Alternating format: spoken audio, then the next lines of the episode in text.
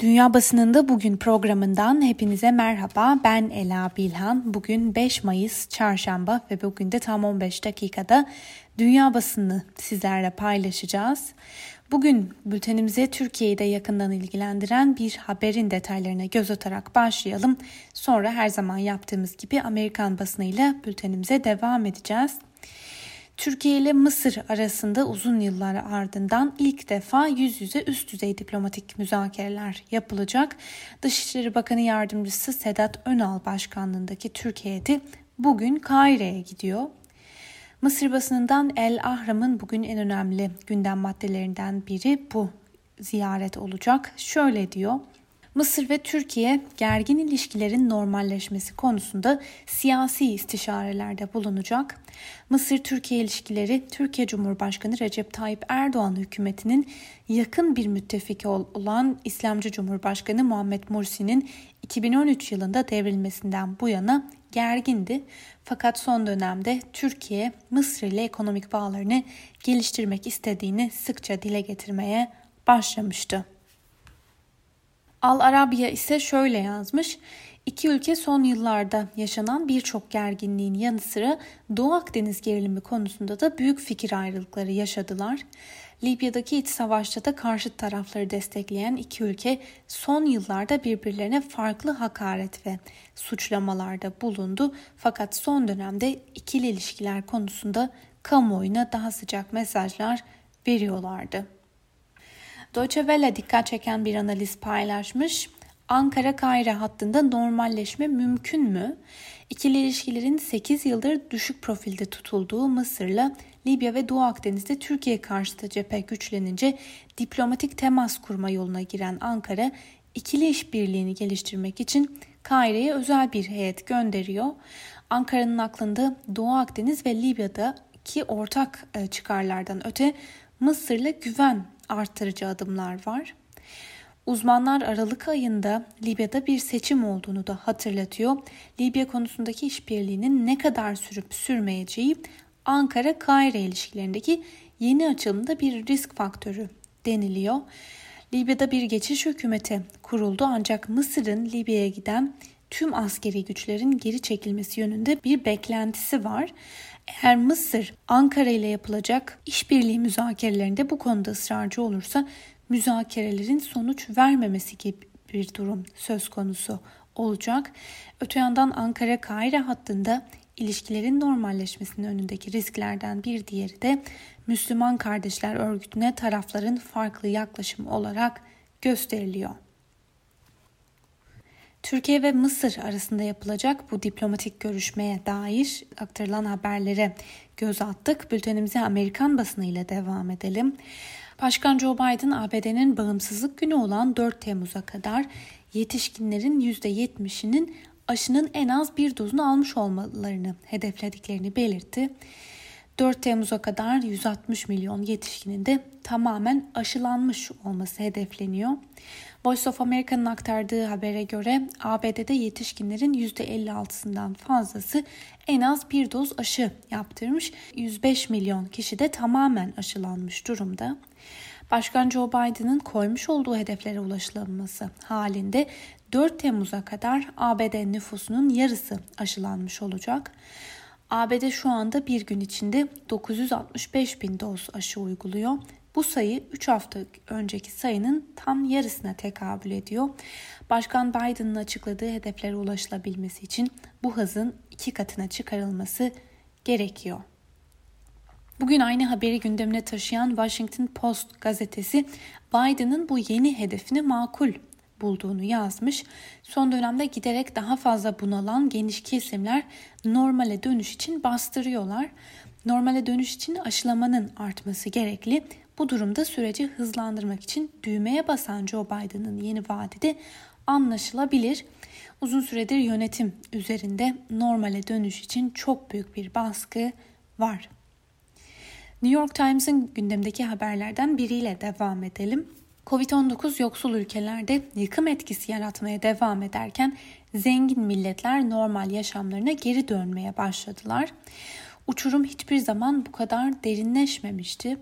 ABD'de Avrupa'da restoranlar ve eğlence mekanları yeniden açılmaya başlamışken başta Hindistan olmak üzere geri kalmış birçok ülkede insanlar oksijen yetersizliği nedeniyle hayatlarını kaybediyorlar.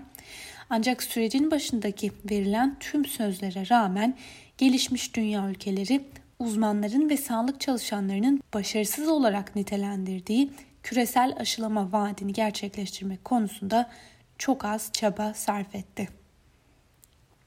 Bir diğer habere göz atalım. ABD'de doğum oranları ciddi oranda düşmüş durumda. Pandeminin bu konuda önemli bir faktör olabileceği de düşünülüyor.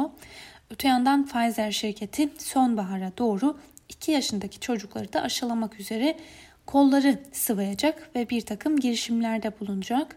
Bu tür girişimlerin özellikle de çocuklu aileler tarafından olumlu bir gelişme olarak görüldüğü de belirtiliyor. Washington Post'un gündemdeki haberlerden birine göz atalım. Ülkede artan enflasyon korkularına karşı Maliye Bakanı Janet Yellen harekete geçti. Ancak Hazine Bakanı'nın salı sabahı yaptığı açıklamaların ardından borsa kısa süreliğine de olsa dibe vurdu. Ne demişti Janet Yellen? Yellen hükümet harcamaları nedeniyle ekonominin aşırı ısınmasını önlemek için faiz oranlarının biraz artması gerekebileceğini ifade etti. Yani faizin artırılacağının ilk işaretini vermiş oldu. Gazeteye göre Yellen'ın açıklamaları Beyaz Sarayı'nda enflasyonu büyüyen bir endişe olarak gördüklerinin itirafı niteliğindeydi. Ve Amerikan basınından aktaracağımız son haberi de sizlerle paylaşalım. George Floyd'u öldürmekten geçen ay suçlu bulunan eski Minneapolis polis memuru Derek Chauvin ikinci derece yani kasıtsız cinayet, üçüncü derece cinayet ve ikinci derece adam öldürmekten 21 Nisan'da suçlu bulunmuştu. Son olarak Chauvin yeniden yargılanmak için temiz başvurusunda bulundu. Başvuruda mahkemenin mekan değişikliği ve yeni duruşma taleplerini reddederek takdir yetkisini kötüye kullandığı iddia edildi. İngiliz basınından Times gazetesinin manşetinde bugün şu sözler var. 50 yaşın üzerindekilere 3. doz aşı teklifi sunulacak. Buna göre sonbaharda İngiltere'de bulunan 50 yaşın üzerindeki herkese 3. doz aşı olma imkanı sunulacak. Hükümet kaynaklarına dayandırılan bir rapora göre bu girişimlerle birlikte Noel'e kadar virüsün tamamen kontrol altına alınması hatta yok edilmesi planlanıyor. Bundan sonraki süreçte ise COVID-19 aşılarının grip aşıları gibi yıllık olarak da sunulabileceği belirtiliyor. Gazete aynı zamanda 3. dozun ilk etapta yalnızca 50 yaşın üzerindekilere ve risk grubundaki hastalara verileceğini ekliyor. The Eye gazetesinin ilk sayfasına da göz atalım. Bu yaz tatil yapmak isteyen İngilizler hazırlık yapmaya başladılar. Hükümet bu cuma günü dünya çapındaki en az riskli ülkelerin listesini açıklamaya hazırlanıyor. Gazeteye göre listede şu ülkelerin ve bölgelerin olmasına da kesin gözüyle bakılıyor. Portekiz, Kanarya Adaları, Girit, Korfu, Rodos, Malta, İsrail, Danimarka, Finlandiya, Norveç ve İzlanda büyük olasılıkla bu bölgeler yeşil listeye alınacak ve karantinasız seyahat mümkün olacak. Alman Die Welt gazetesinin manşetinde özellikle geçtiğimiz haftadan bu yana konuşulan hatta tartışmalara neden olan bir gelişme var. Dediğimiz gibi Almanya'da hükümet aşı olanların da yavaş yavaş artmasıyla beraber normale dönüş takvimi çerçevesinde aşı olanlara ve hastalığı daha önce geçirmiş olanlara bazı öncelikler veya kolaylıklar sağlamaya hazırlanıyor. Bununla beraber bu hafta sonu itibariyle hastalığı geçirip tedavilerini tamamlamış olanlar veya iki, iki doz aşı olanlar belirli mekanlara test sonuçlarını göstermeden de girebilecekler.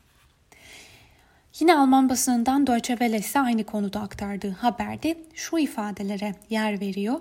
Alman hükümeti koronavirüs aşısı olanlara, hastalığı atlatıp iyileşenlere temel haklarının iadesini öngören kararnameyi kabul etti. Hükümet risk seviyesi bu denli düşükken temel insan haklarının askıya alınamayacağı görüşünü savunuyor. Aynı şekilde Avrupa Birliği Komisyonu da benzer bir uygulamayı AB çapında yürürlüğe sokmak istiyor. Avrupa ülkelerinde şimdiye kadar 150 milyon kişinin aşılandığı hatta tüm Avrupalıların dörtte birinin ilk doz aşıyı oldukları da belirtilmiş. Deutsche Welle'den Lisa Hennel bugün dikkat çeken bir haber hazırlamış. Sivil özgürlüklere korona erozyonu başlıklı haberde özetle şöyle deniliyor. Sivil Toplum Atlası son bir yıla dair temel hakların durumunu inceledi. 2020 yılı bize şunu gösteriyor. Pek çok ülkede hükümetler salgın hastalıklarla mücadele adı altında vatandaşlarının özgürlüklerini büyük oranda kısıtladı.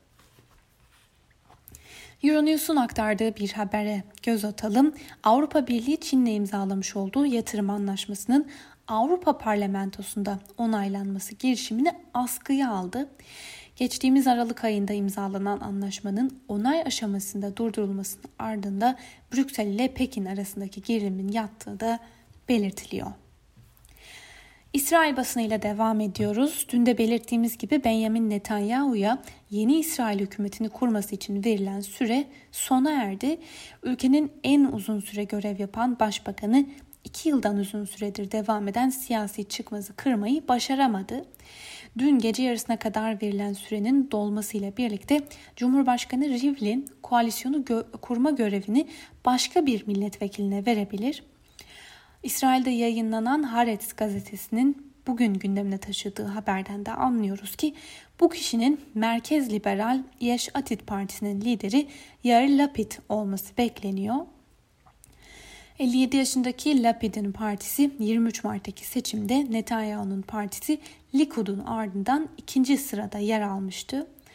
Voice of America'nın bu konuda aktardığı habere göre Cumhurbaşkanı Rivlin'in onay verdiği yeni aday 28 gün içinde koalisyon kuramazsa Cumhurbaşkanı parlamentodan 3 hafta içinde yeni bir aday üzerinde anlaşma talebinde bulunabilir. Eğer parlamento bunu da başaramazsa İsrail yeni bir seçime gidecek. Öte yandan Suriye Devlet Ajansı SANA hava savunma sistemlerinin Laskiye kenti ve Hama'nın Masyaf bölgesinde İsrail'in saldırılarına karşılık verdiği bilgisini paylaştı. Ajans saldırılarda bir sivilin hayatını kaybettiğini ve altısının da yaralandığını bildirdi. Suudi Arabistan'a dair bir habere göz atalım. Suudi Arabistan'ın bu yılın ilk çeyreğine ilişkin bütçe verileri dün resmen açıklandı. Buna göre Suudi Arabistan 2021 yılının ilk çeyreğinde 54 milyar dolar gelir elde etti. Suudi Arabistan'ın petrol dışı gayri safi yurt içi hasılasının beklenen büyümesinin 2021'de %3.9, 2022'de ise 3.6'ya ulaşılacağı tahmini de yapılıyor. Hindistan'da Covid-19 vakalarının 20 milyon aşmasının ardından dün de belirttiğimiz gibi ana muhalefet partisi tam kapanma çağrısını yineledi. Kongre Partisi sağlık hizmetlerinin çökme noktasına geldiğini ve bulaşım zincirini kırmak için tam kapanmanın gerekli olduğunu açıkladı.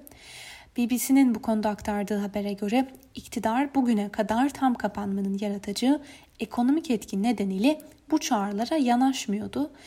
Hindistan'da muhalefetin yanı sıra iş dünyası ve sağlık uzmanları da tam kapanma çağrısı yapıyor. Indian Express gazetesine göre ülkedeki bilim kurulu da iki haftalık bir tam kapanma için hükümete baskı uyguluyorlar. Deutsche Welle Hindistan'a dair dikkat çeken bir haber paylaşmıştı. Yeri gelmişken bu haberi de sizlerle paylaşalım. Vaka sayılarının 20 milyonu bulduğu Hindistan'da en az virüs kadar hızlı yayılan bir şey daha var. O da yalan haber. Uzmanlara göre sosyal medyada dolaşan yanlış bilgiler salgınla mücadelede büyük bir engel teşkil ediyor. Ve son iki haberimiz Çin basınından Global Times'ın bugün gündemine taşıdığı haberlerden birine göre Çin'deki Amerikan Büyükelçiliği ve konsolosluklar geçen yıl bu dönemde Trump yönetimi tarafından askıya alınan öğrenci vizesi başvurularını dün itibariyle yeniden kabul etmeye başladı. ABD yeniden Çin'den yapılan öğrenci vizesi başvurularını kabul etmeye başladı. Ancak bu kez de özellikle pandeminin de etkisiyle ikili ilişkilerde son bir yıllık gerilim göz önünde bulundurulduğunda aileler çocuklarını eğitim almaları için ABD'ye yollamak konusunda tereddüt yaşıyorlar.